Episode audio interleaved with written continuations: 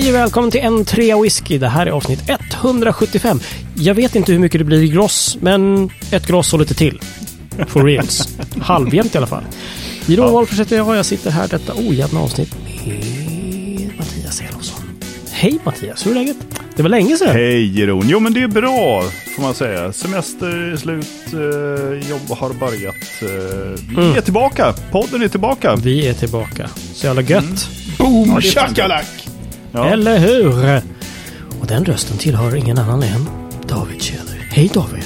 Hej, hej! Tjena Jeroen!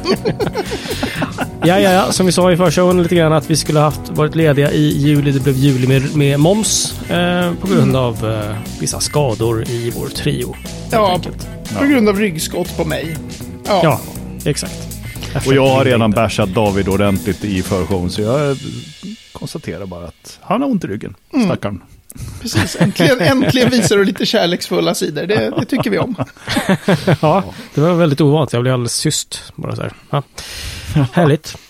Ja, hur mår du David? Annars förutom ryggen? Det börjar bli bättre, du står upp, allting ser... eh, Jag står upp och jag, idag har jag till och med varit på gymmet. Jag är otroligt nöjd med det faktiskt. Mm. Med att göra så här rehabträning för att stärka upp den här ryggen. Mm. Så här, stort shout-out till den här underbara sjukgymnasten som man kom till och som bara... Mhm. Ja, det absolut värsta du kan göra med, den här, med ryggen, det är att vila. Så läkare Ja. som håller på och säger att patienter ska vila, det är helt värdelöst. Vilka djur ligger hela dagarna? Nej, eller hur? Katter, katter hundar. Nej, Men sen rör de på sig. Ska fortsätta? Ja. Ja, I think Aramis will beg to differ. ja precis. ja, den 18-åriga katten. Ja, precis. Exakt. Det gör fan inte många knop kan jag säga. Nej. Nej, men så det, det är, anna, ja, annars är det bra. Förutom det här Mm. ryggskottet. Men även det känns bra för att det känns som att det är på väg åt rätt håll nu. Liksom. Ja, vad skönt. Och Ja. du Apropå då, Jeroen, du befinner dig på Risön. Många ja, precis, knop, ja. Apropå många knop. Ja, Ja, jo för fan, jag är på Risön. Jag jobbar på distans denna vecka och eh, vi har ikväll stiftat bekans bekantskap med eh, Hasse. Eller Hans. Den här Ja, du är stormen Hasse som... med stormen alltså. Nej, jag är inte det riktigt än alltså faktiskt. Men eh, vi, det, imorgon så ska det blåsa helskotta här. SMH har jag snackat om 30 sekundmeter i byarna. Det känns eh, inte som att man åker och handlar då. Så det gjorde vi idag istället. Och då fick Mm. vi, vad fick vi då istället? Jo då, hällregn på riktigt. Så det var, härligt. jag hade sydväst på mig, jag hade liksom galonrock, jag hade galonbyxor, stövlar och så vidare. Och det roliga är att du har ju nästan det där skägget som den klassiska målningen av den här sjömannen. Arr. Just med, det. med sydväst och det Ja, här det. skägget som det finns så jävla många kopior av. Jag ska se om jag kan lägga upp en bild i show notes kanske. Ja, Alla, alla yngre lyssnare här, sydväst, eh, det får ni googla själva. ja. Det känns som att det är så här, vem fan har sånt längre? Ja, det är underbart. Att det speciellt när det regnar så underbart. jävla mycket. Min, min flickvän har en sydväst faktiskt. Ohoho. Hon är ju, är ju ofta ute på locations och eh, sminkar Mm. skådespelare och sånt där. Och ibland är det inte skitbra väder när man är ute och filmar i 18 timmar. Nej, nej, bergis inte. Då är en sydväst bra att ha. Ja, nej, det, det är ett bra, bra huvudbonad. Så mycket kan jag avslöja i alla fall. Yes. Nej, så att över dit till dyren där affären ligger så var det nästan svårt att se liksom, och navigera sig med, med ögonen för att det var så jävla regnigt. Väl in i Mm. dyren, inte en käft, inga problem. Och sen så eh, gick vi över ön i denna utstyrsel. Eh, köpte krabbor som sig bör när man liksom är på västkusten, kom igen. Ja, ja. handlade på ICAn med den feta To-Go-appen som ska öppna dörrarna automatiskt. Förutom att den inte gjorde det för att de hade glömt att ställa om från sommartid till deras vanliga öppettid. Så bara, fan, ehm, det här var ett misshap. Men vi blev insläppta och det, allting fixade sig. Sen skulle vi hem och så bara, fan vad det blåser nu hörni. Det började redan nu alltså. Ja, det började redan nu lite grann. Så att, eh, mm. Eh, Då fick vi lägga oss vid eh, några kompisars bryggplats här som ligger lite mer skyddad än våran egen. Så att, Ja. Och sen släpa hem käket i, i, i blåsten. Så jag är helt... Ja, det är stark luft säger de här ute. Bara, jo tack, jag är helt slut. ja. Du är slut redan Underbart. innan vi börjar. Ja, eller hur? Ja, Sitter och styrker mig här med en liten whisky faktiskt. Jo, då, Ah. Teresa. Har ni någonting i era glas? David, du, du har en... Något starkt. Jag har ett glas vatten för att jag äter sådana här mediciner som gör att man inte Man får Bör. skippa alkoholen liksom, helt enkelt. Ja, ja, ja. Så, Ja, ja. så jag har bara... Än du då Mattias? Ja, okej då. Jag har Mm. något väldigt trevligt. Det var nämligen så här att eh, vi har ju den här lilla klubben som heter N7 Whisky som eh, Mm. några av eh, våra lyssnare är med i. Just det. Eh, och en av medlemmarna är ju Marcus Kainen, Mm. som jag har nämnt några gånger. Friend of the show. Mm. Och det visar sig att han jobbar ju ganska nära mitt jobb. Så att han skulle liksom Jaha. få sin eh, laddning N7 Whisky Samples eh, levererat av mig. Ah, Så jag stämde träff lyxen. med honom idag. Och eh, när han kom dit så hade han eh, med sig eh, en liten gåva till mig. Nämen. Så jag sitter här nu med en Strathila från Gordon and MacPhail. Mm. Den är alltså destillerad 1969. Buteljerad 2012. Så vi snackar 43-årig Strathila här. Alltså, um, det är seriöst. Okej, det är seriöst. Mm. Han Men sa har så du, här, jag, är det jag både tog med ett is, lemon twist och cola eller är det... Nej. Nej, jag kör den. eh, några droppar vatten. Ah. Ja, han sa så här, jag tog med den här, jag tänkte att du ska få dricka något gott för en gångs skull. Inte nog med det, han hade med också tre stycken hemgjorda öl. Som jag ska få prova i lugn och ro någon gång. Lavage. Jävligt Okej. coolt. Ja, så det alltså var- det är det livsfarligt att låta dig lämna över samples alltså. Du bara... Nej, jag tänker, i fortsättningen så tänker jag alltid lämna uh, samples till, uh, till, till Kajna. Mm. Vilken Det är grej. trevligt. Ja, Gud, vad härligt, mycket vad trevligt. trevligt. Mm. Ja. Mycket bra, mycket bra. Yes. Jeroen? Eh, jag sitter här med ett, jag fick ett sample av någon snubbe som heter David som, jag vet inte, ja. Eh, Cherry Darling Ferie här från eh, Ja, den är Grythyttans, eller nej, den? Grythyttans destilleri, men det är utgivet av Bergslagens. Ja. Just det, precis. Sex Mm. år. Superhärlig. Mm. Very Den nice. är Sex år gammal men Kolla, kolla in färgen på den här. den är Alltså, Det där är... och... Jag har inte hällt i cola i den. Det är verkligen Coca-Cola-färgat. Ja, Det är, det där är, galet. Hennes Deep färg var Cherry. E150A. Mm. ja, det är Gordon McPhail, då är det inget E150A. Det är det som är så exakt, härligt. Exakt. Fasen var bra. Fasen var bra. Alltså när vi ändå är på spåret här med Gordon and MacPhail. Det finns lite nyheter där har jag hört. Ja, just det. Mm. Du kan för, förklara lite här eh, David. De, de kungjorde att de skulle sluta eh, som independent bottlers i princip. Eller? De skulle bara liksom... Ja, Eller? det, det är väl liksom eh, när man, de, de gjorde det med sån rubrik. Mm. Men de har ju liksom ett enormt lager, så att det är ju inte som att de slutar imorgon. De kommer ju säkert fortfarande det. ge ut oberoende buteljeringar om liksom 15-20 år också. Mm. Men det de sa nu var att de liksom slutar med, eh, för de kör ju sådana här att de fyller new make i sina egna fat. De har ju haft dealar med destillerier och Mm, ägargrupper. Just det. Medan många andra oberoende buteljerare kanske är så här, ja det finns ett fat med 15-årig Klein Leach här, vill ni köpa det fatet?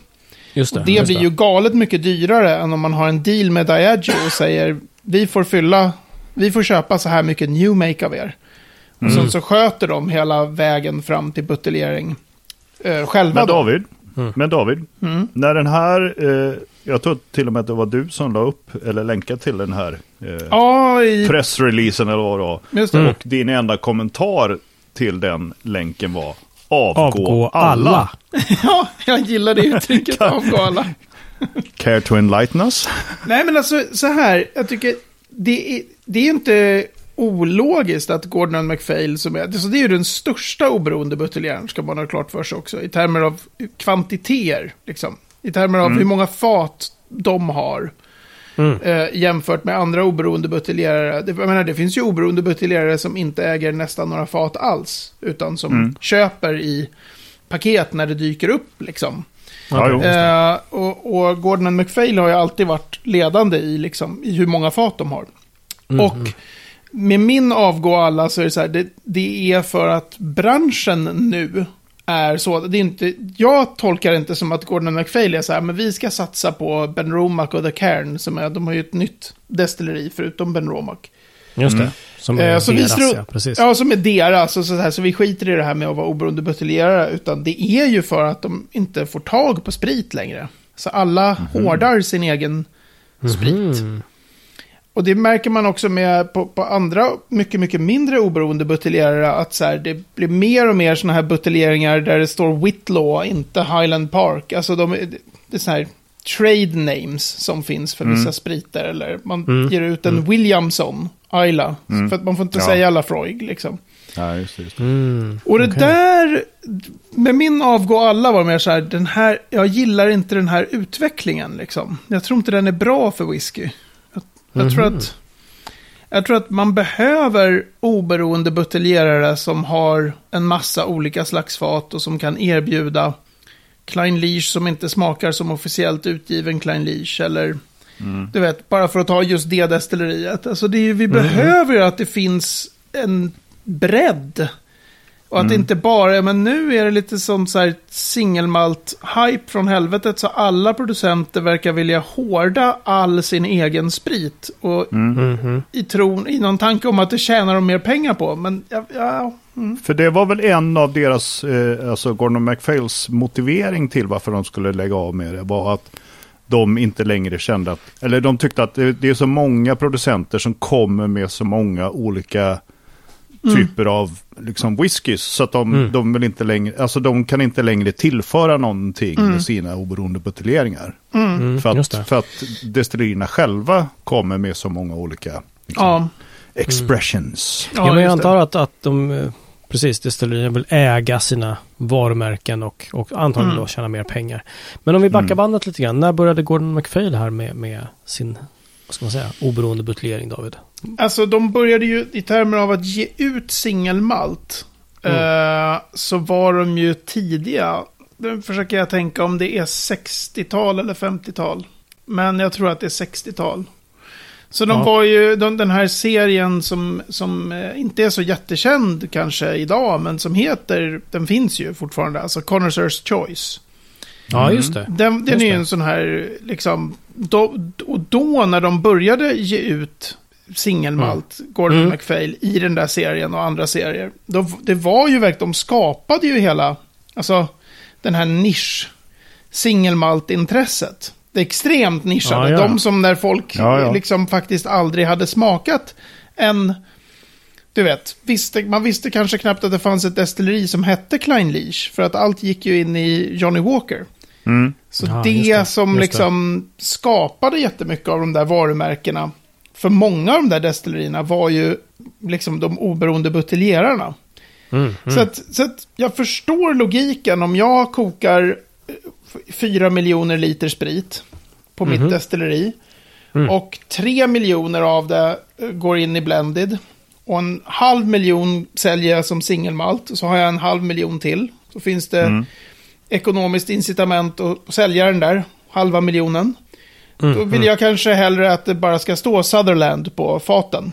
För jag tycker att det är mitt varumärke. Ni ska inte hålla på och tjäna pengar på mitt varumärke Klein Leach liksom. Nej, just det, just det. Mm. Mm. Men alla de där andra oberoende buteljerarna, de hjälper ju också till att bygga det där varumärket. Det är ju inte Ja, liksom... Så att jag, jag, jag tycker att... jag- Jag kan, jag kan liksom se hur oberoende buteljeringar nu, de Mm. senaste, ja, vad vet jag, fem åren kanske, de blir dyrare och dyrare. För Okej. att fat blir dyrare och dyrare. Mm. Så det är inte heller längre så att så här, men oberoende buteljeringar är skitbra, för de är inte lika dyra som de officiella. Bara, nej, de är ju ofta ännu dyrare liksom. Nej, just det, just det.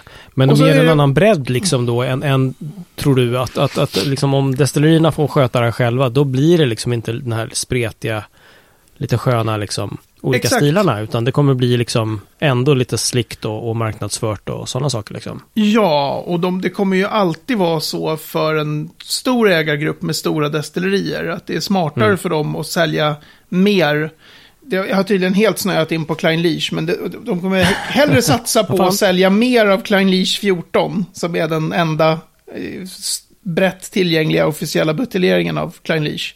Okej. Eller göra en, så här, planera för en Klein Leach 21 som ska vara svindyr. Liksom. Ja. Mm, det. Det är mycket, mycket lättare för en ägargrupp att göra än att hålla på och ge ut massa singelfat.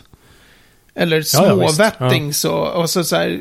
Så att det här att man kan liksom få uppleva ett destilleris alla sidor. Så här, hur är... Ja, just det. Jag menar den här som vi har skämtat om, med min och Lars, den här Craig Alekin, som ju var bara ett stendött fat liksom. Ja, alltså, den, är det. ju, ja, ja. den är ju många som tycker att det där är bara flygbränsle. Det är en vidrig Mm. liksom. Jet A1. Ja, Och jag tycker den är fantastisk liksom. Ja. Men Ja. något sånt skulle ju en ägargrupp aldrig buteljera. Det finns Nej. inte en chans Nej, på nej, planeten liksom. Nej, precis. Och då ser man nu hur så här, de här namnen på oberoende buteljeringar som kommer, att det är mer och mer bara några, det blir färre och färre destillerier som, där fat är tillgängligt liksom. Just det. Och jag tror inte att det är bra för, för whisky. Jag tycker det, Det är blir en mer tråkig... slätstruket och, och slickt liksom. Eftersom Ja. man inte vill ge, något sånt, ge ut något sånt som är lite konstigt och ja, Ja, men precis. quirky Jag, liksom. ja, att det, det är min skräck, mitt skräckscenario över det hela, så som det ser ut nu. Men det, ja. Och därför ska alla avgå. Därför ska alla avgå. Men jag är inte arg liksom på just Gordon McPhail. Det- De har väl Nej, sin nej. affärsmodell och sina, om de inte får tag på sprit längre. Det är Eh, mer de andra som du tycker ska avgå. Jag, Alltså jag de tycker att de, de som håller på sin sprit ska avgå. Ja, Ehm, så. Mm, Men sen så är det ju, det är ju också li, man kan ju också ställa sig frågan varför göra en sån stor pompa och ståt deklarering kring det. För ingen Mm. kommer ju märka något ändå på 10-15 år. Tror jag. nej, Det är exakt. liksom- de har jättemycket i sina fat Det är inte som, som, att de sitter, nu. ja men precis, de sitter inte på så här typ 15 fat och bara och nu är det slut. Nej. Eh, så att de har ju grejer liksom. Men, så Men det ni tror att, det är, tror att det är politiskt också? Att det är lite så här, men vad fan, det ska vara så jävla svårt. Men okej, liksom, då slutar vi upp med det här och gör en grej av det. Liksom. Eller? Att Ja, det är en liten känga till, till branschen, ish. Liksom. För att Ja. de har ju råd Mm. att, att göra det. De säljer ju också sådana här fantastiska knasfat som är jätte, jättegamla tillbaks Mm. till destillerierna. Liksom. Just det. Jaha, Macallan, ni vill ge ut en sån här serie? Ja, gissa vem som har fat från Mm. Vem- det har dess, den här. liksom. Exakt. Vilka sitter på liksom fat fyllda på 40, 50 och 60-talen och ännu äldre? Mm. Det är ju Gordon McPhail liksom. Ja, Det- exakt. så är det ju. Exakt. Eh, sen, och det kommer de väl inte kunna vara unika i så jättelänge till. För att efter ett visst tag så börjar ju ägargrupper liksom fatta att det där kan man tjäna bra med pengar på. Alltså om man startar ett destilleri idag, då bara utgår jag från att man ser till att fylla några rejält stora halvtrötta fat och tänker den här kan vi släppa om 70 år. Liksom. Ja, precis. Det här kommer vi kunna tjäna så jävla mycket pengar på, fast inte idag. Men eh, för att de har ju visat vägen där. Liksom. Stuart, ringde du Lalik förresten och snackade om någon, någon glas butelj där som om 70 år någonting? Ja, Vi beställer leverans år 2100. ja. det är jämnt och bra nummer. Ja, det kör vi på. Bra. Hur många flaskor vill ni Ja. ha? Fem. ja, nej, det, det, det blir larvigt. Ja, ja, ja, okej. Ja. Nej, men eh, så att... Bottom line, det kommer inte påverkas, påverka oss så här supermycket, åtminstone de närmaste fem åren, men sen så börjar det bli Mm. ännu dyrare med eh, gammal fin sprit. Och det kommer Ja, vara och det kanske också... mindre av den. Ja, men det, man, jag ser mer den här så här att om inte ens Gordon McPhail får tag på sprit, de som alltid har varit de med, med Mm. som har legat långt, långt före de andra oberoende buteljerarna i termer av kontakter. Och jag, jag tycker man ser också i så här, även så här ärevördiga namn och stora, som jag tänker då, liksom riktigt gamla oberoende buteljerare. Man liksom ser på vad de buteljerar, att så här, Mm. ja, här kommer en någon så här lite dussin destilleri, 12 år gammalt, med någon liten cherry finish. För att fatet var väl kanske lite småtråkigt från början. Så här. Det, Mm. det är ju inte särskilt länge sedan som man kunde köpa liksom 20 år gammal whisky från oberoende buteljerare för rejält under tusenlappen. Mm. Oh lord. Nu ja. Mm. är det liksom inte... Alla hårdar sin egen sprit och tänker vi ska sälja allt jättedyrt. Och det Mm, tror jag inte riktigt är en businessmodell som funkar. Ja. Nej. Vad det- vet väl jag? jag Ja, är bara en framtiden lär utvisa, eller hur? Det, Ja, det- exakt. hur är det? Du hoppas på tulpanlöksmodellen här igen liksom. Ja, alltid. Ja. Vi är med dig. Vi Pray for crash. Ja, men eller hur? Precis. Är det där väderkvarn? Ja. Till attack! Kör vi. Ja.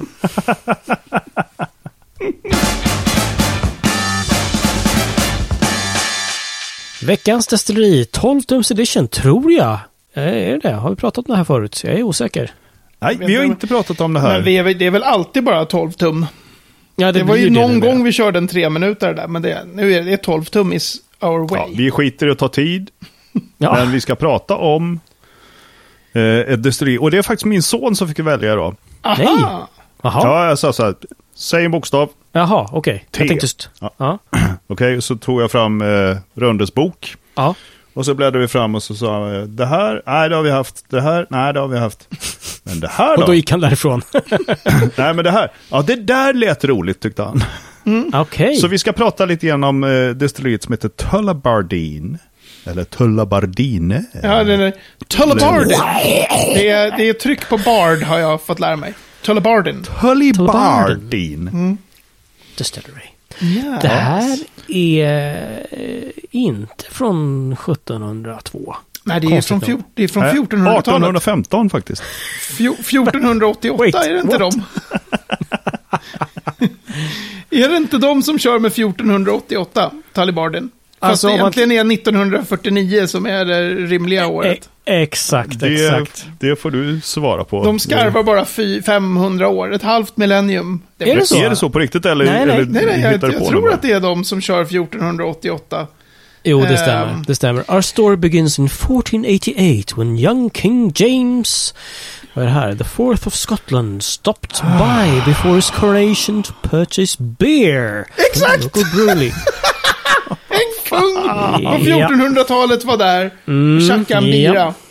Mm. Och det ska, ha var, det ska vara så att det är samma ställe. Alltså det gamla bryggeriet är, men det är ju liksom, ja.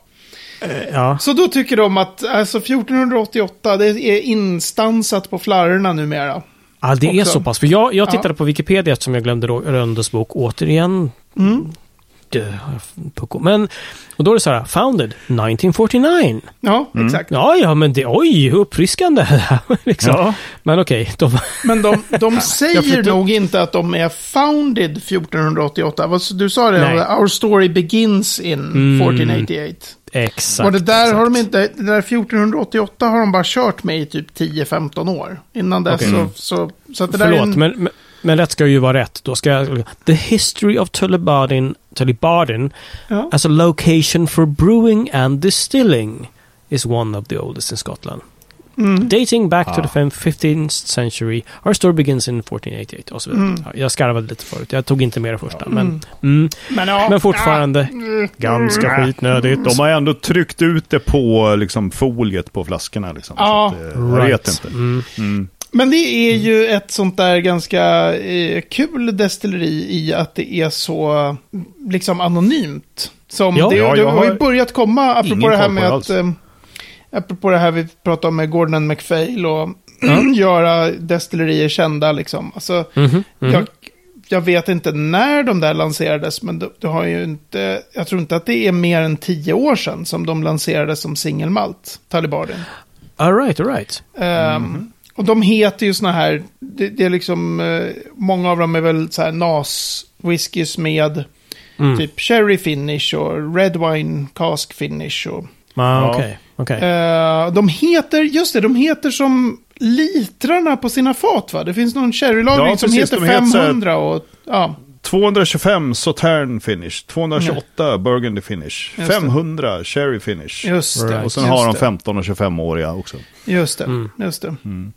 Men så de är, det är ju kul på så sätt. Det är sån här, White and Mackay ägde väl det där tills Mm. för eh, Just det. 10-15 år sedan någonting. Och då var det ju ver- verkligen så här blending destilleri. Mm, okej. Eh, Okej.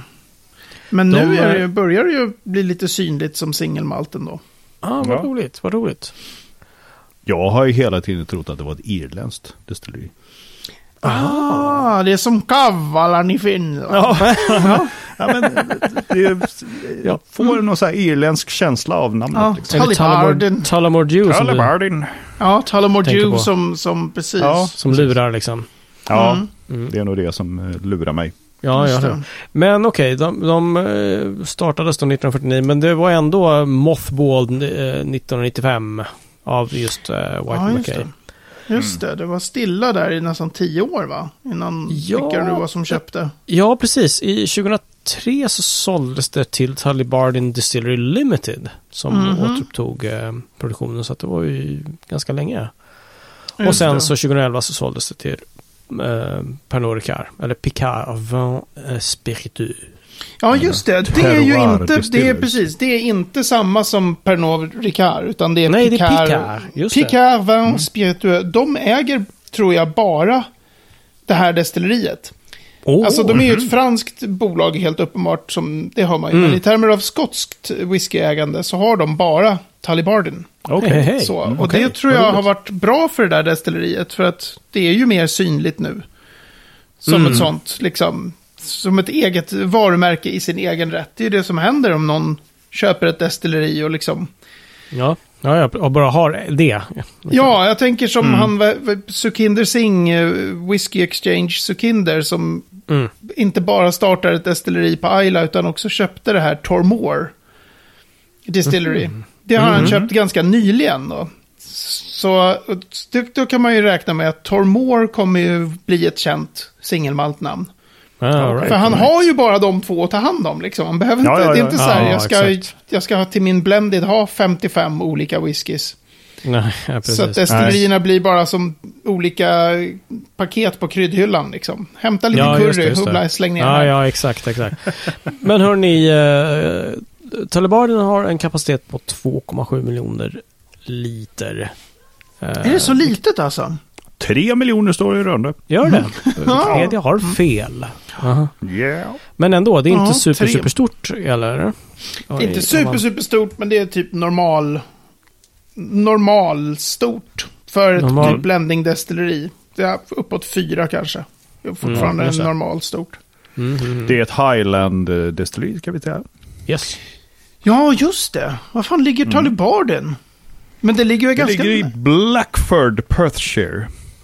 Ja, Perthshire. Det så. Men Du då är, det nära, då är det nära Lowland tror jag. Alltså att det ligger Mhm. i Highland men ligger nära Lowland-gränsen tror jag. Om det är Perthshire. Mhm. Okej. Uh, I would not Ja. know, really. no, no. The village is located just off the A9 between Perth and Stirling. Ja, just det. Men då är vi ju jättenära. Det är vi nära eh, Lowland-regionen. Ja, ah, vad bra. Okej. Så. Underbart. Lite så sightseeing. Skönt. Men det är, så, det är roligt med sådana där destillerier. Talibarden är ju sån här, som du beskrev det, Picard, Vin och Spiritueux, det var 2011 eller något sånt där. Eh, yes. Sen, sen var det 2000, någon gång tidigt 2000-tal var det någon, några som skulle göra någonting med det och det höll inte. De sålde till Picard. Sen var det Mm. de som satte Talibardin i malpåse där på 90-talet någonting. yes. Sen, sen tvingades ju han som ritade hela destilleriet tvingades ju sälja efter typ fem år. Så att, hur jävla många ägare har de haft på liksom sin korta historia? Ja, det är en Många. bra fråga. Eh, Det är jag liksom, eh, Mattias har röndfacit där. Ja. Ja, ehm, det är många. Men det, det är också ett sånt här, det första, eh, ett sånt där destilleri som man brukar säga är det första som byggdes i Skottland på 1900-talet. Inte riktigt Mhm. sant, men det är nära sant. Ja, okej. Jag säger Close, någonting om hur den här enorma eh, boomen på 1890-talet och vad tid det tog innan folk kom på tanken att man skulle bygga nya destillerier. Just det. Just Började det. byggas ändå efter andra världskriget liksom. Mm. Eh, Ja, så. precis, precis. Men vad, är, vad gör de för sprit? Vad gör de för whisky, David? Är det, är det rökigt eller?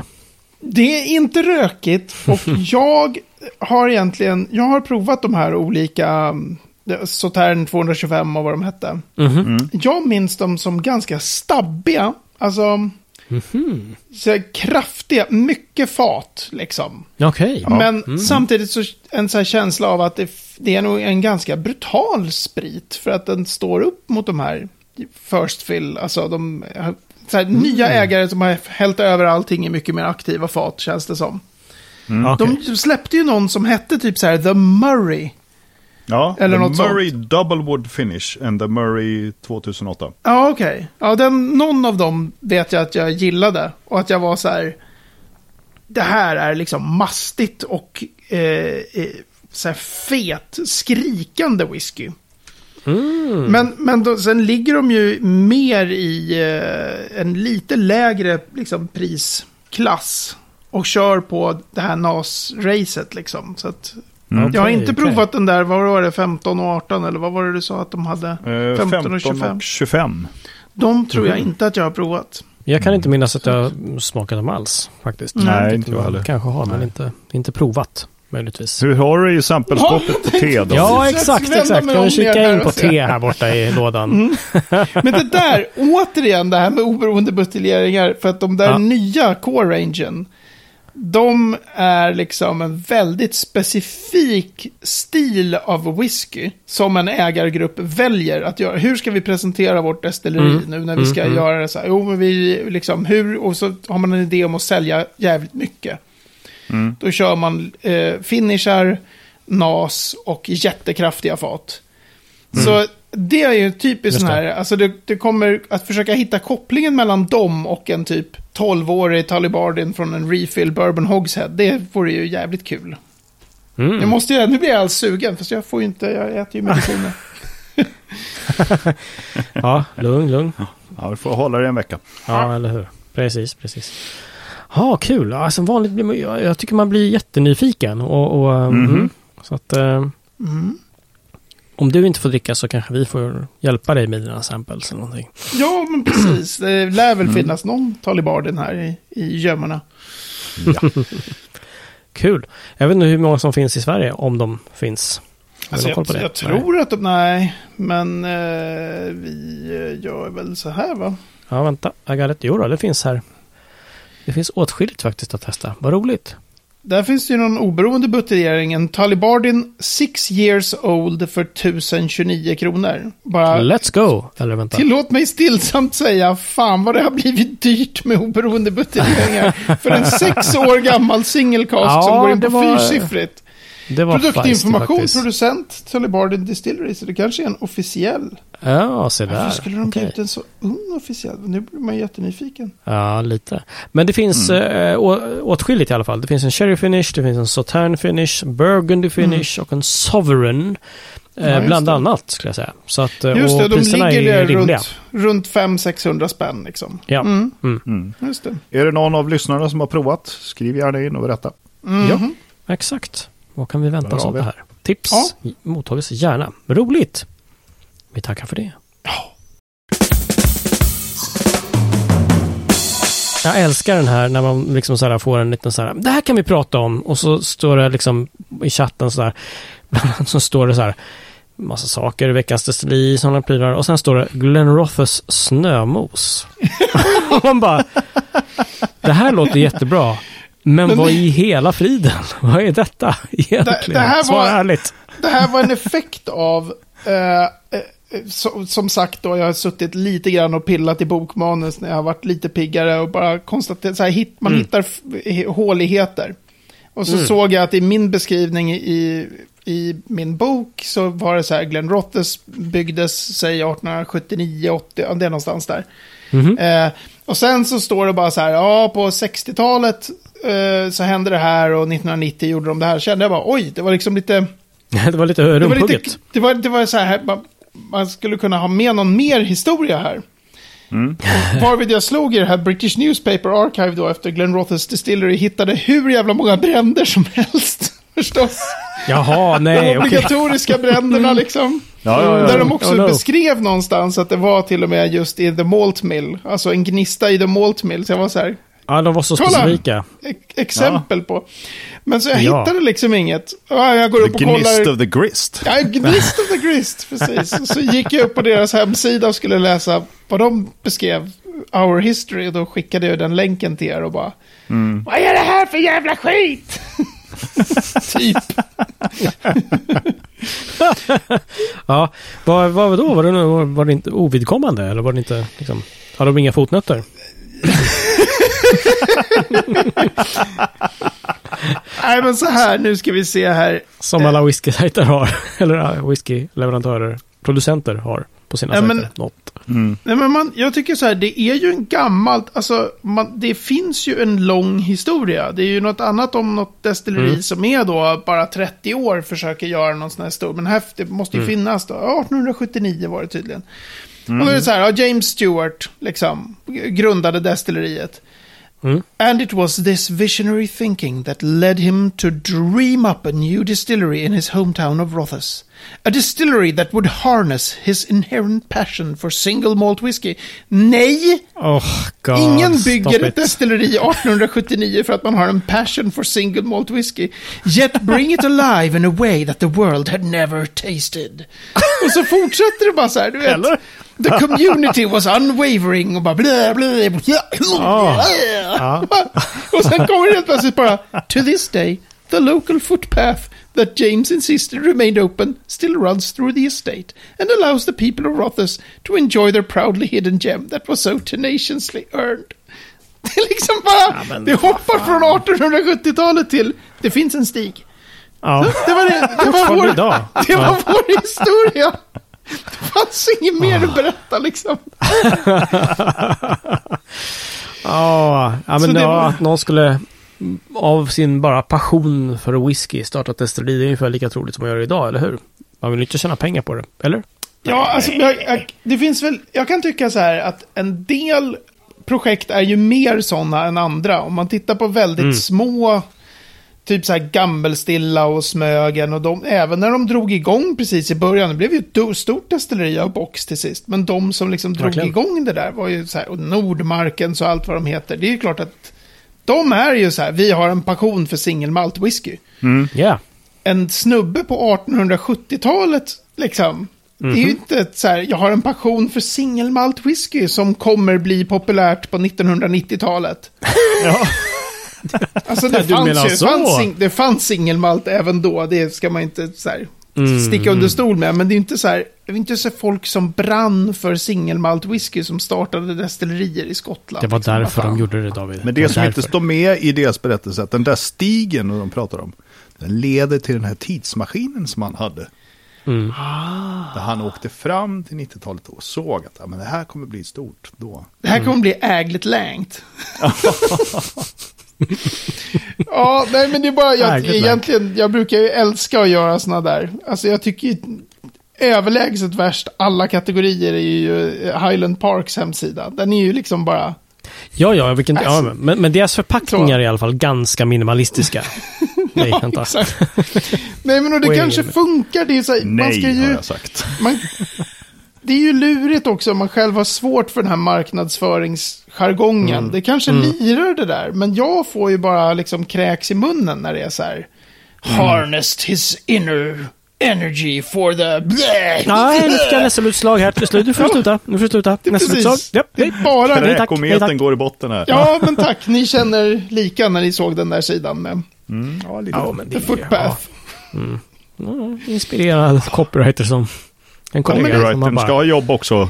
Jo, men det är så ett roligt hopp också, så här, för det Ja. är, sidan heter Our History. Och så börjar det 1879 och sen är det stigen finns kvar. Det är liksom, That's it. That's it.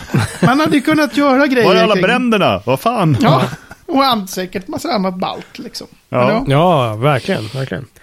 Ja, nej men hörni, med denna stig in i framtidens single malt- single malt whisky så stänger vi avsnitt 175 faktiskt. Det är, det är dags. Det är Ja. dags. Det blir inte mer snömos just i detta avsnitt om du inte är medlem. För på n3whisky.se medlem kan du bli medlem och få ännu mer innehåll varje vecka. Så det är så. Ännu mer snömos. ännu mer snö. Vi bjuder! Eller, mm, no, wait, wait a minute. För och efter show, det är alltid att jag kör lite så här högläsning ur Tolkiens brev. Och försöker hitta whiskyshop. Oj, vad tyst det blev! Jäklar.